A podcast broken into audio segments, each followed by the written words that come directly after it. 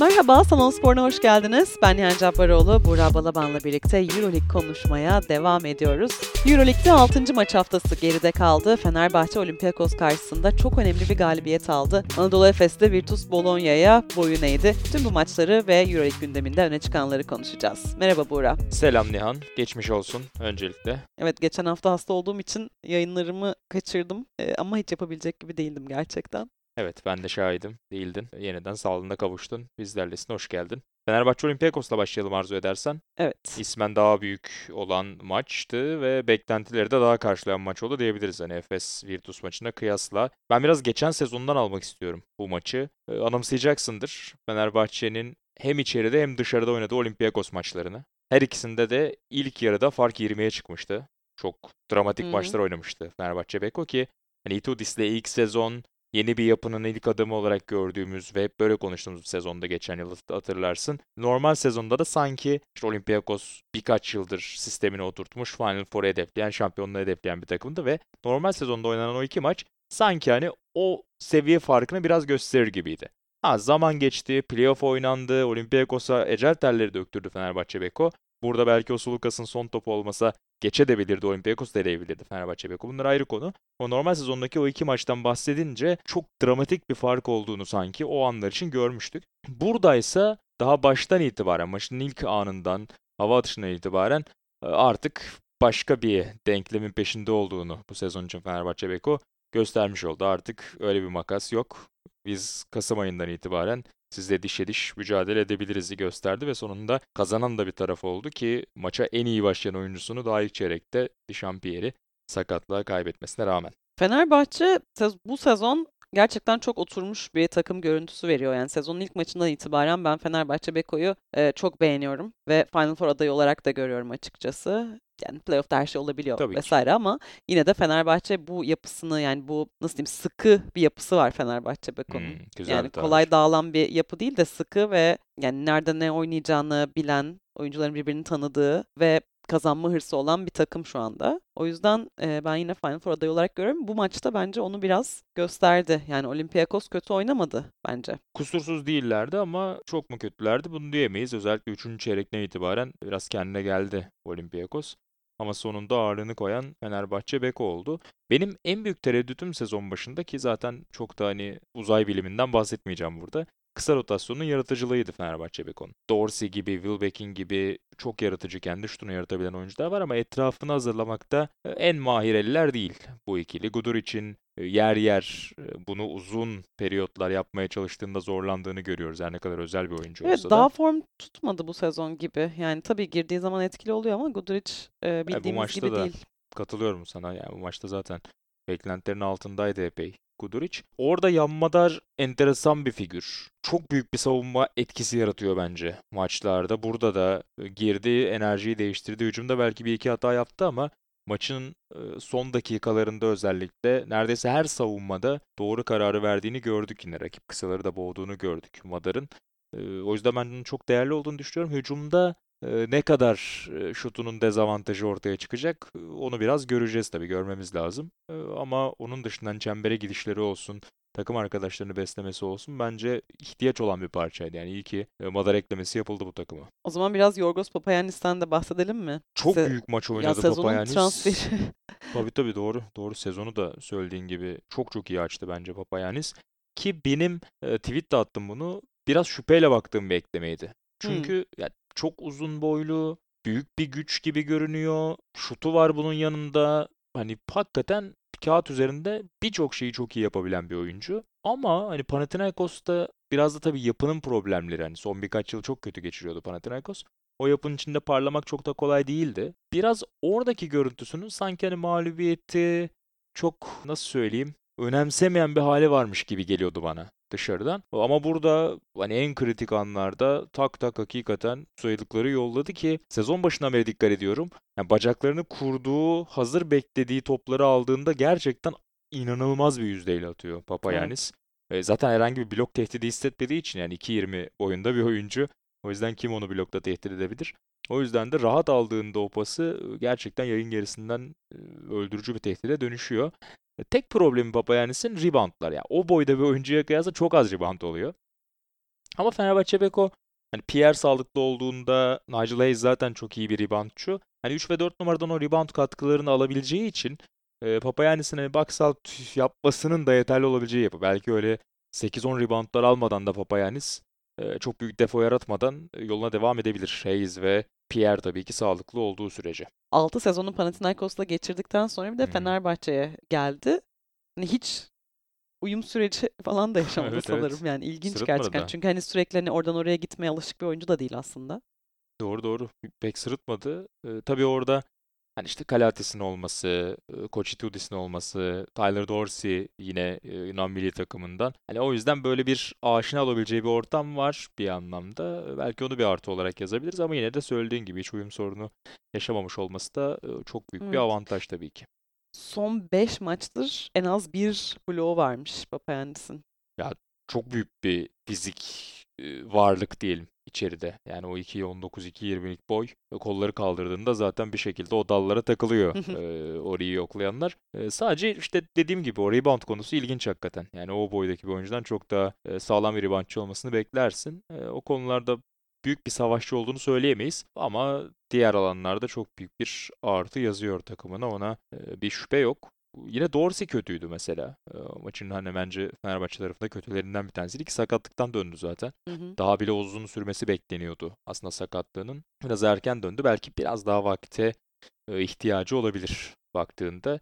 Zaten onun, Wilbeck'inin, Guduric'in her birinin bu kadar kötü şut attığı bir günde Papayannis'ten o ekstra performans gelmese kazanmak çok da kolay olmayabilirdi. Evet, Dechampierre'in istatistiklerine bakıyorum şimdi. O da ya sanki bütün maç varmış gibi ama sadece 8 dakika oynamış mesela. Evet, Ve ilk 8 çeyrekte sa- dakikada 14 sayı, bir top çalması var. Bir tane reboundu var. zaten Olympiakos'tan daha fazla sayı atmıştı. İlk çeyrekte o sakatlanana kadar sakatlanıp çıktı Ee, ki orada bir hani basket faul almaya çalışırken bir ufak darbe aldı. Orada biraz rahatsız görünüyordu. Muhtemelen orada bir problem yaşadı. Ee, Umarız çok ciddi değildir sakatlığı. Ya benim zaten e, ezelden beri çok çok beğendiğim bir oyuncu.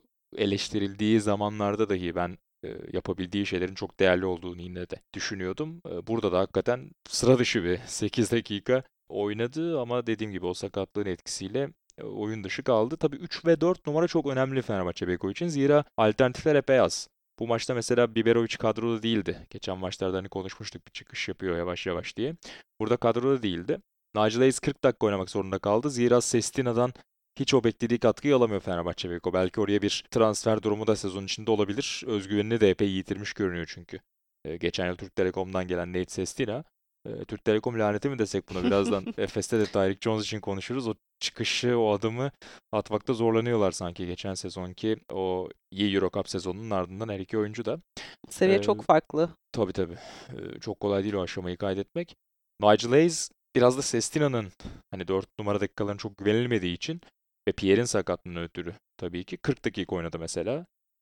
Ki maç sonunda da Didem'e şey dedi hani 40 dakika oynadın maç sonunda yine de hani mücadele ediyordun bu enerjiyi nereden buluyorsun gibi bir soru sordu Didem. Hayes de vejetaryen diyetine bağlamış. Djokovic de öyle der biliyorsun. Evet. Katılır mısın? Neye? Etkisi oluyor mudur? Oluyordur bence. Yani şunu demiyorum. Vegan beslenmek daha iyidir veya daha kötü. Bunun uzmanlarına sormak lazım. Benim hiçbir fikrim yok. Ama yani insanın kendisine ne iyi geliyorsa bunu da bilebilir yani. Çünkü diyette ve yapılan ufak değişiklikler gerçekten insanın hayatına çok etki ediyor. Ben de şu an yakından görüyorum. Diyetimi değiştiriyorum şöyle diyorsun. Yok yani, de- yani ufak bir şey değiştiriyorsun ve çok faydası oluyor insanın genel ruh hali, uyku, işte genel Tabii. hatta modunda bile gün içerisinde çok etkisi oluyor bence. Yani ona da o iyi geliyor olabilir. Şüphesiz ki bilimsel çalışmalar da yenilenmeyi, yani rejenerasyonu çok hızlandırdığını söylüyor. Yani Evet ama ya bu evet ilk çıktığında bu şekilde çıktı bu arada. Yani Djokovic de Değişti mi? benzer bir şey Hmm. söyledi. Ya değişti mi bilmiyorum da daha sonra hani e, bütün veganlar da bunu sürdürem sürdürmedi. Yani sporculardan da hani sonra tekrar hani tamam plant based bir şey yapıyorlar ama tam %100 vegan olmuyor sanırım. Hayes de vejeteryan dedi zaten. Hmm. Vegan değil. e, Ben de hani vejeteryan gibi söylüyorum. Aslında temeli e, yeşil ağırlıklı beslenmek diyelim. Yani Hı hı. Akdeniz ağırlıklı beslenmek. E, Etin genel olarak bir yorucu etkisi var belli ki vücutta. E, Hayes'in de keyfi yerinde görünüyor. Evet az bilgimizle Aynen. Yani minimal bir bilgiyle de konuştuk. Ee, burada diyetisyenlere bırakalım sözü. Varsa dinleyicilerimiz arasında diyetisyenler bize e, yorumlarını iletebilirler.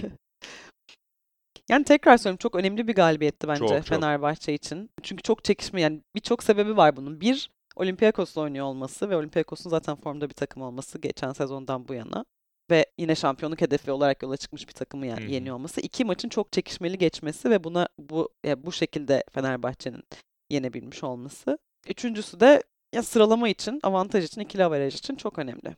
Öyle. Kenan yine 15 sayı attı Olympiakos'ta. O da yani Fenerbahçe maçı görünce affetmiyor Hakan. Geçen sene de o bahsettiğim iki maçta gerçekten çok e, kendi standartının üzerinde oynamıştı. Burada da e, 15 sayıyı yolladı. Alec Peters ki o da e, Luke Sigma'yı aslında eklediler Vezenkov gittikten sonra. Çok başka oyuncular. O yüzden ben biraz zaten oyun sürecinin de uzun süreceğini ve zorlanacağını düşünüyorum Sigma'nın. Bir de üstüne sakatlık yaşadı. Ondan faydalanamıyorlar. O yüzden 4 numarayı tamamen Alec Peters'a emanet ettiler ama Peters da epey iyi bir sezon geçiriyor. Evet. E, Zaten hani çok hızlı topu elinden çıkaran çok net bir şutördür. Olympiakos sisteminin o hareketli yapısı iyi geldi Peters'a. Burada da yani 19 sayı takımın en skorer oyuncusuydu. Ama neyse ki e, yetmedi. Fenerbahçe Beko'ya karşı galibiyetler devam ediyor. Yani eksikler de varken e, nefis bir sezon açılışı. İlk 6 maç tek mağlubiyet Fenerbahçe Beko için. Evet. Ki o da çok yakın bir maç. Yani Valencia maçı hatırlıyorsun 77-74. e, Son dakika son pozisyonlara kalan bir maç. E, Çok iyi girdi sezona Fenerbahçe Beko. Böyle devam etsin. Haftaya Fenerbahçe Beko bir eski sevgili buluşması gibi bir şey yaşayacak. Partizan deplasmanına evet. gidiyor. Partizan deplasmanı. Çok zor bir deplasman. Bir de üstüne duygusal da yo- Tabii. zor bir deplasman. Tabii. Perşembe akşam Partizan maçı hem tabii ki Fenerbahçe Jelko buluşması hem Jelko Obradovic Dimitris Itudis buluşması. Evet. Halef Seref Panathinaikos'ta beraber çok uzun süre çalıştılar. Tabii ki büyük hikaye yani haftanın en büyük maçlarından bir tanesi ki Partizan da sezona çok iyi girmedi. Onlar da ilk 6 maçta sadece 2 galibiyet çıkarabildiler. Ki bu hafta Baskonya'ya, sezona kötü giren Baskonya'ya kaybettiler. Baskonya'da dördüncü kez Stojanovic takımın başına getirdi. Gerçekten evet. Doymuyor ya. Bit yani Başkan bitik Kereyata yeniden bayılıyor. başlayan bir ilişki gibi. Toksik ya. Toksik bir ilişki. Toksik. Olabilir evet. Çok çok komik. Şeyi dinliyorum. Ee, Basket News'un İngilizce yaptıkları podcast var. Ee, Litvanya kaynaklı.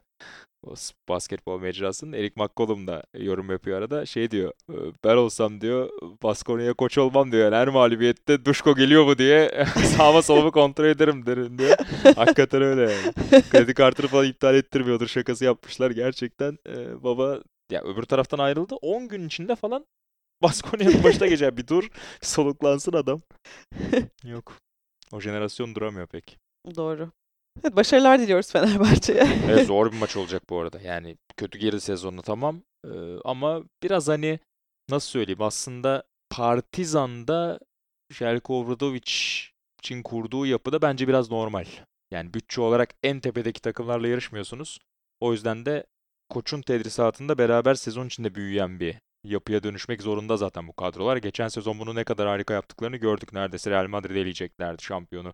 Playoff'un dışına iteceklerdi. O e, ilginç olaylar yaşanmamış olsa diyelim. E, burada da işte Kaminski'nin Avrupa'ya uyumu, e, Dozier'in Avrupa'ya uyumu derken biraz maç kaybederek geçiyorlar bu dönemleri ama ben sezon ortasında yine çok iyi olacaklarını düşünüyorum. Zor maç. Anadolu Efes'le devam edelim. E, Bologna ile karşı karşıya geldi Anadolu Efes ve e, ilk 3 çeyrek kadar aslında e, çekişmeli gidiyordu maç. Galiba hani 3. çeyreğin İki buçuk diyelim. ortalarına kadar Evet. ama ardından çok kötü bir son çeyrek e, ve Anadolu Efes kaybetti. Beklentinin biraz altında başlamış oldu sezona böylece aslında Anadolu Efes. Böyle bir durum var. Yani takımda bazı şeylerin yolunda gitmediği belli açıkçası. Yani tam oturmuş bir takım diyemeyiz Anadolu Efes için bence. Yani herkes ne yapacağını bilmiyor hala bence. Bir takım olarak hani birbirleri saha içinde iletişim çok kuvvetli değil. Böyle. Yani çok zor tabii bu böyle bir durumda da hani üst üste maç kazanmak, seri yakalamak da çok zor. Ama imkansız değil bu arada. Yani bunun hani takım potansiyelini de gördük. Özellikle Valencia maçında mesela. Ya birkaç taraftan bakacağım.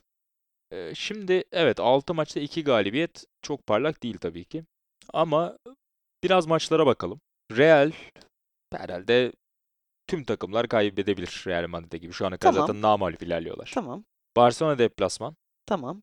Zor evet. Barcelona şu an beklenenin üstünde girdi sezona. Zirveye oynuyor. Yaskevicius'un gidişinden sonra. Kaybedebilirsin. Evet onu da değiniriz bu arada. Biraz konuşuruz onu da. Kaybetti. Valencia. Şimdi sen gittin ya. Her şey. eyvah eyvah. Şiir şairane mi? Eyvah. Bir şiir okur musun dinleyicilerimize? Okuyamam. Okuyamazsın. Peki. Olympiakos'a kaybettin deplasmanda. E, Kaybedilebilir. Kaybedilebilir. Virtus Bologna'ya kaybettin. Kaybedilemez. Öyle mi diyorsun? Evet. 6 maçta 5 galibiyeti var. Ekim ayının MVP'si Toko Şengelya seçildi. Sezon başında E, tamam benim de da- beklentim Yani 13. tamam. falan olmasıydı Virtus Bologna'nın bu arada. Ya ben de bu kadar iyi bir sezona giriş beklemiyordum Bologna'dan ayrı konu. Ama tablo önümüzde. Ya tamam. Formda bir takım haklısın olabilir ama şunu beklerdim ben. Yani ismen tabii ki Real Madrid, Barcelona, Olympiakos bunlar daha yani şu an EuroLeague'de hangi takım olursa olsun bir şekilde Favori hani çıkacak evet neredeyse o favori olacak. Hani tırnak içinde korkmak demeyeyim de yani bir nasıl ifade edebilirim bunu? Yani bir etkisi oluyor ismin. Hı hı. Tamam hadi onları diyelim ki kaybettin.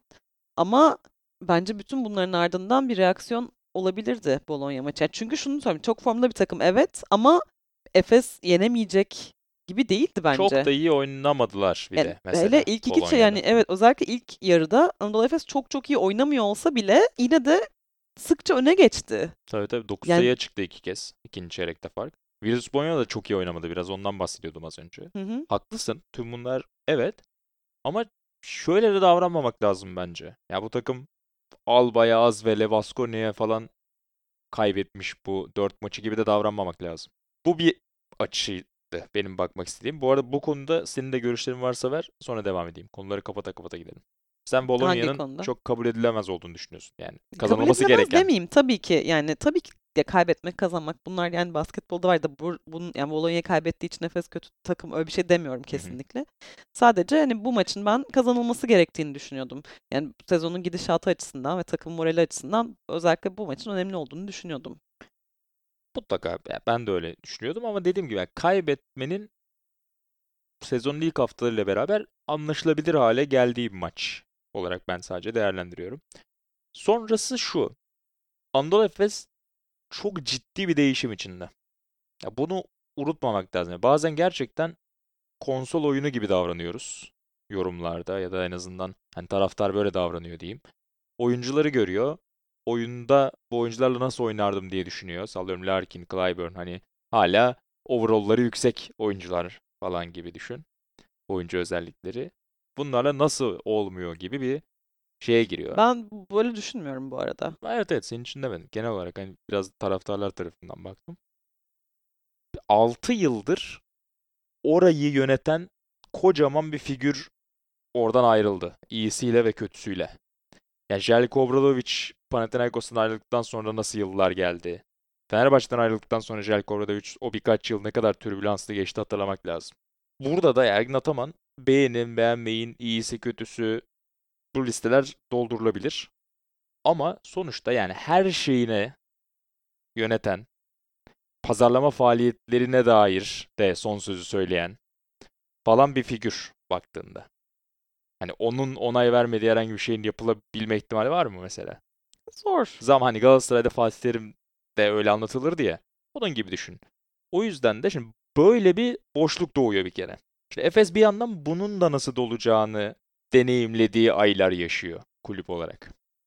Şimdi bence bunu da hatırlamak lazım. Sadece saha içi, XO, savunma hücum gibi bakmadan Haklısın. önce. E, burada şöyle bir şeye düşüyoruz. Nasıl diyeyim? Yanılgı mı diyeyim ya da e, e, ön yargı desem daha doğru olur. Yani recency bias gibi bir şey diyeceğim. Yani çünkü an- yani em, bundan 6 sene önceki Anadolu Efes'le şimdiki Anadolu Efes'in algısı artık aynı değil. Yani üst üste iki şampiyonluk yaşamış bir takım olarak artık Anadolu Efes'i yani taraftarlar da her sene Final Four adayı olarak beklemekte çok haklılar. Yani o kalibrede olmasını istiyor takım. Biz de çok istiyoruz. Ben de çok istiyorum. Hep öyle olsun isterim. Bütün takımlar Fenerbahçe'den Anadolu Efes'te.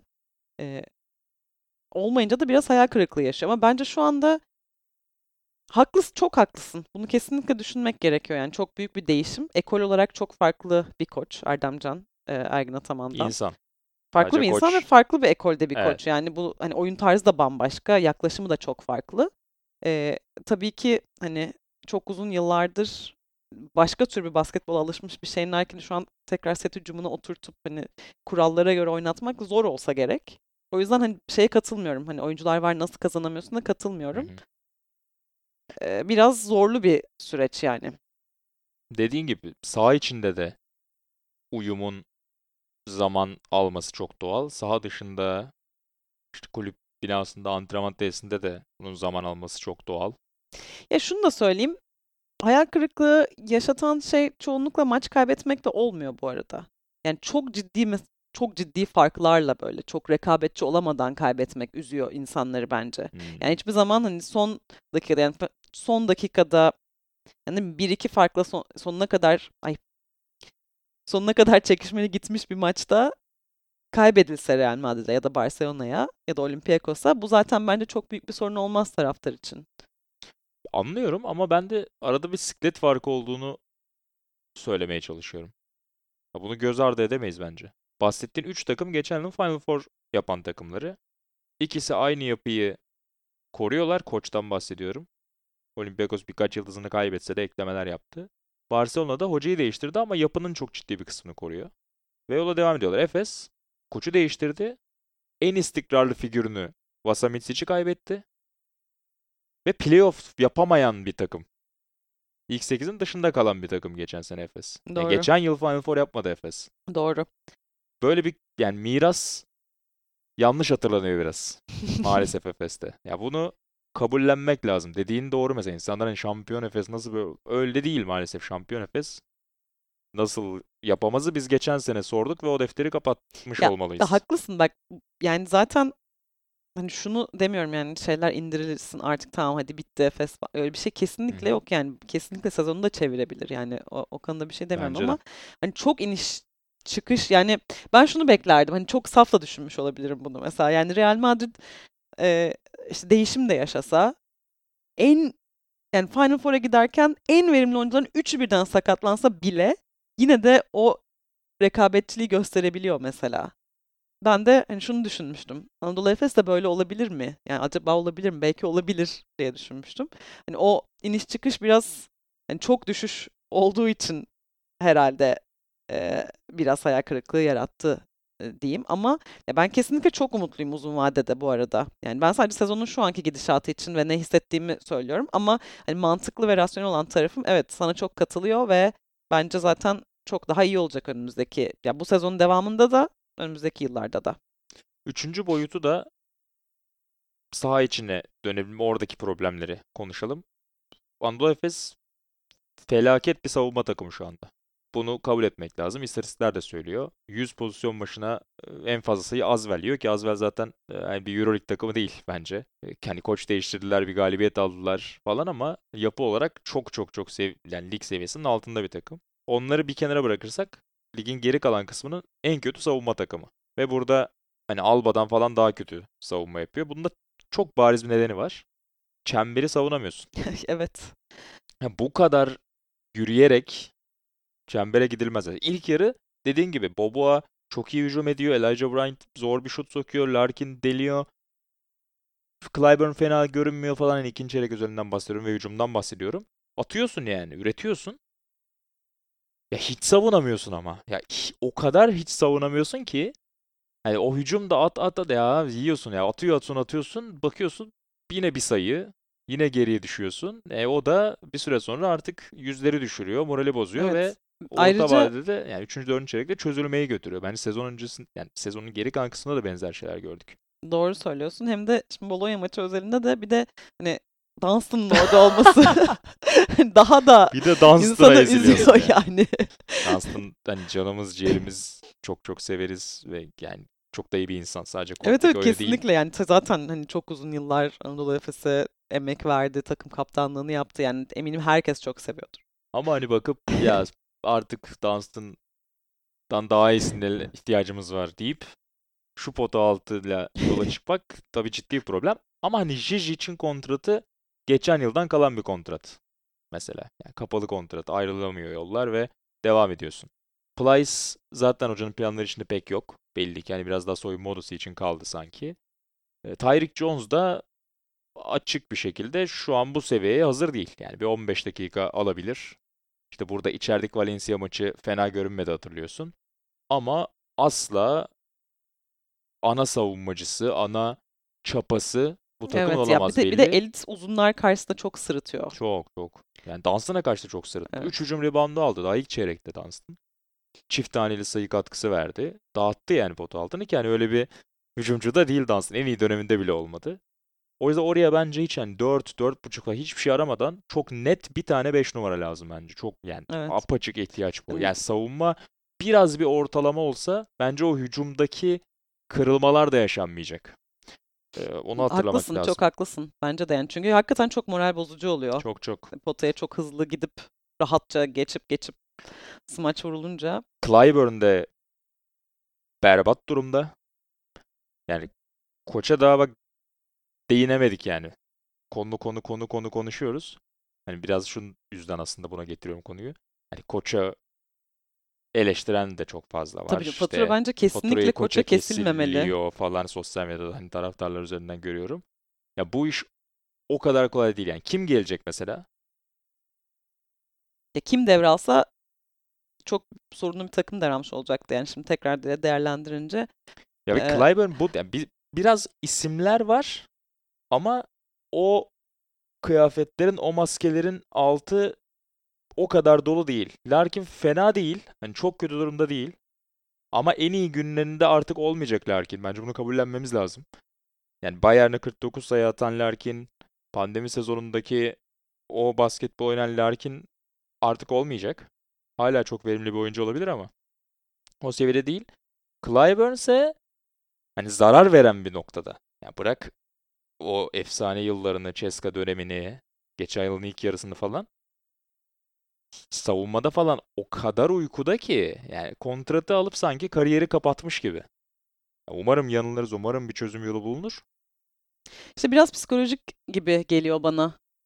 Ya özellikle hani savunma eforu çünkü hani savunma ya. çok biraz psikolojik ve motivasyona da alakalı bir şey. Bence Bill Clyburn de alı- yani bir şeye alışamadı. Neye alışamadığını bilmiyorum ama Sezonun e, yani kendi kariyerine vurulduğunda en kötü dönemini geçiriyor zaten. Biri tek tek istatistikleri de paylaşmıştı. Bir yabancı meslektaşımız şu an önümde değil ismi ama hani sayı ortalaması EuroLeague kariyerinin en kötüsü. Şut yüzdeleri en kötüsü. İşte en kötü 2-3 sezonundan biri ya da hani o bu durumda. Lakin eh Darius Thompson diyorsun ama şunu unutmamak lazım. Şimdi Mitsic'in yerine Thompson'ı koydun.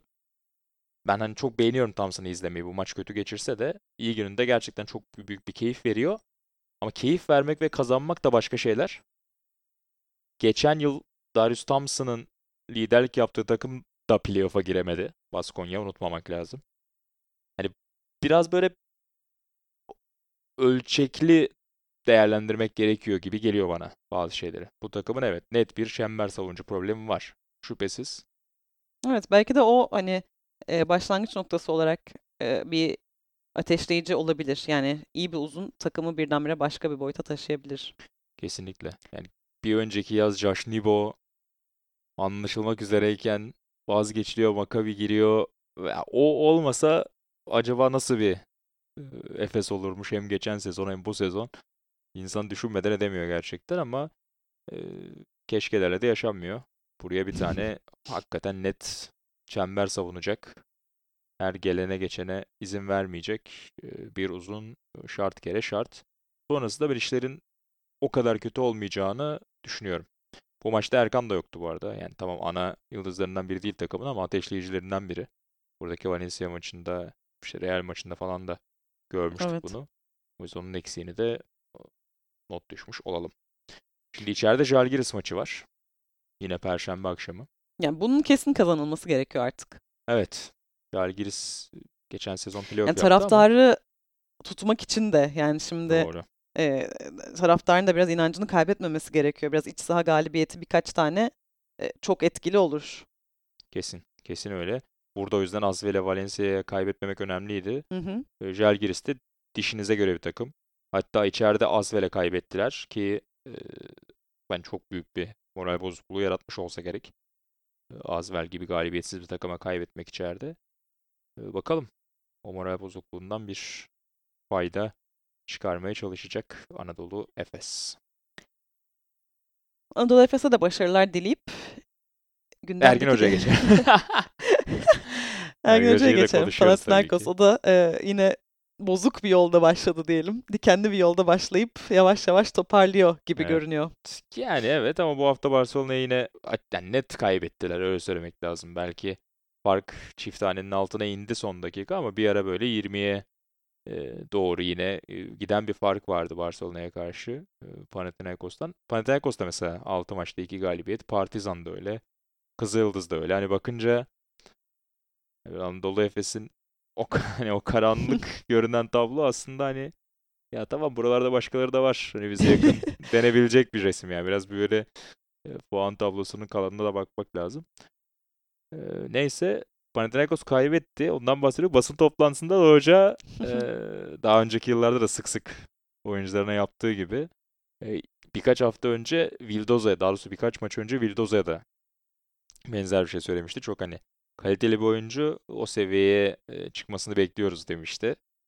Burada da İspanya'da oynanmasının da etkisiyle maçın Hernan Gomez'e, Juancho Hernan Gomez'e e, biraz giydirdi. Yani ismen çok büyük oyunculara sahibiz. Sizin de çok yakından tanıdığınız falan diyor. Mesela isim söylemeden yani Hernan Gomez demiş kadar oldu hoca. Hani o seviyeye çıkmaları bekliyoruz. Bireysel olarak hani oyuncuların e, performansının yükselmesiyle e, ancak yükselebiliriz. Tek yol bu diyor. Hoca ki kariyeri boyunca zaten bununla kazanıp bununla kaybeden bir figür. O yüzden Evet. bizim için bir sürpriz değil bu. Ben zaten şunu demiştim hani çeviriyor derken hani Olympiakos'a karşı alınan deplasman galibiyeti ligde aslında. Mesela o ligde Kazandılar ha. hani o çok büyük bir psikolojik etki Çok rahatlattı. yaratır diye düşünüyorum. Yani Barcelona karşısında bunu tabii taşıyamadılar ama yine de hani umut vaat ediyor yani taraftarlar çünkü çok sevinmişlerdi. Acayip kutladılar ya Evet. Meşalelerle işte ta- Öpüyorlar falan. Çekip öpüyorlar. Abi çok ilginç ya. Bu Ege e, gerçekten ilginç bir coğrafya. Biz de dahil ediyorum. Balkanlar yine ilginç kültürleriz hakikaten. O galibiyet bayağı bir nefes aldırdı. Burada e, Barcelona'ya karşı işler yolunda gitmese de. Empoli Evet, o Armani... arada Ha, o- yani Yunanistan ve Türklerde bence daha fazla o dokunmalı galibiyet kutlama, öpmeli, sarılmalı. yani bu çok Sımsıcak anlar. futbolda falan da oluyor. Millet gelip öpmeye falan çalışıyor yani. Ba- şey yani ilginç. Öyle ya çok. Ya Evet, her yerde olan bir şey değil. Amerika'da oyuncuyu öptüğünü görebilir misin mesela? kolay bir değil. taraftarın yani. Hani ya öp Neyse, çok- da çok görüyoruz onu. öp. Aynen. Yakaladım öpüyorlar yani oyuncuları. Burada da öyle. Yunanistan'da da öyle. Ee, ilginç evet. Salgılar gö- yani gönül rahatlığıyla paylaşılabiliyor. Yani pandemiden çok ders almamış gibiyiz coğrafya olarak. Ee, ama bir şaka bir yana bir yandan hani spor ve tutku da bu ya. Yani işte futbolda da Libertadores finali vardı. Orada da işte Arjantinliler, Brezilyalılar birbirlerine giriyorlar. Plajda öpücükler, kutlamalar, meşaleler falan. O saf hani sporun dönüştürücü etkisi. Hani özellikle 20. yüzyıla damga vuran diyelim. 21'de biraz daha farklı bir dünya bence geldi ama 20. yüzyılda o kutsanan spor ve tutku birlikteliği e, hala görülüyor bizim gibi coğrafyalarda. Evet yani sev- sevinç gösterme kültürüyle de biraz alakalı. Yani evet spor kültürü ama bir de hani sevgi gösterme, sevinç gösterme e, kültürü de birazcık farklı. Doğru. Neyse çok öpmekten bahsettik. Şimdi Sever misin? Eee, yani aslında Euroleague'in gündeminde önemli bir madde var şu anda. Yani geçen e, iki sene önce işte Rusya, Rus takımları, e, dünya siyaseti ve dünyada yaşananlar tabii ki etkiliyor doğal olarak sporu. Yani aksi mümkün Mutlaka. değil. Zaten Rus takımları e, Euroleague dışında kaldı. Şu anda Maccabi'nin maç eksiği var. 5 maç oynayabildi. Evet, Real Madrid'le oynanacak maçları iptal oldu. Ya yine bir savaş var. Ee, Maccabi Eurolig'in hala içinde ama işte deplasmanlara gitmekte zorlanıyor. Takımlar da şimdi oraya Aviv'e gitmekte biraz çekiniyorlardır diye düşünüyorum. Haliyle kimse gitmek istemiyor yani Real Madrid gitmedi örneğin. Ki Belgrad'a Sırplar davet etmişlerdi. Maccabi'yi burada oynayabilirsiniz diye. Hatta bu haftaki Bayern maçının da normalde Maccabi ev sahipliğinde oynanması gereken maçın e, Belgrad'da oynanacağı e, şu an konuşuluyor. Seyircisiz oynanma ihtimali den dem vuruluyor. Çünkü bir yandan da şu da var. Anladığım kadarıyla rakip takımlar yani şimdi biz Maccabi'yi ağırlıyoruz. Atıyorum İspanya'da, Almanya'da herhangi bir yerde. Ya buraya bir terör eylemi olursa gibi bir çekinceleri de oluyor bence. Ya sadece Anladığım kadarıyla. protesto bile istenen bir şey değil spor organizasyonları tarafından. Hmm. Bir de tabii bu işte e, bahsettiğimiz durum çıkınca işler biraz sarpa sardı. Bakalım ya bu maç dediğim gibi Belgrad'da sonrasında Fenerbahçe ev sahipliğindeki maç var. Ona bir e, 10 gün kaldı yaklaşık. O konuda da sıcak gelişmeler olacaktır yakında. Ya burada Fenerbahçe Beko Maccabi maçı oynayabileceğini düşünüyor musun şu anda? İşte düşünmüyorum. Hani belki iç saha dış saha değişimi yapılabilir. Hani Fenerbahçe ikinci yarıda belki evde oynayabilir. Eğer hani kulüp buna sıcak bakarsa. Yani ve o zamana Ama- kadar tabii yani savaşta biterse. Tabii onda sonu işte Rusya-Ukrayna tarafında gördük bunun çok daha uzayabileceğini. Bakalım. Milano kaybetmeye devam ediyor. Favori konularımızdan birinden Yani, bahsedelim. Ya Pengoz'u da yollayacaklar herhalde. çok tatsız gidiyor ya Milano yıllardır. Yani Messina'nın girişte ne kadar heyecanlanmıştı. Ee, yani bütün Euroleague hani severler heyecanlanmıştı aslında Final işte. Four yaptılar. Yani Hep orada kalacaklar gibi falan görünürken evet. işler tamamen sarpa sardı. O zaman Salon Spor'unu burada noktalayalım. Önümüzdeki hafta görüşmek üzere. Hoşçakalın. Hoşçakalın.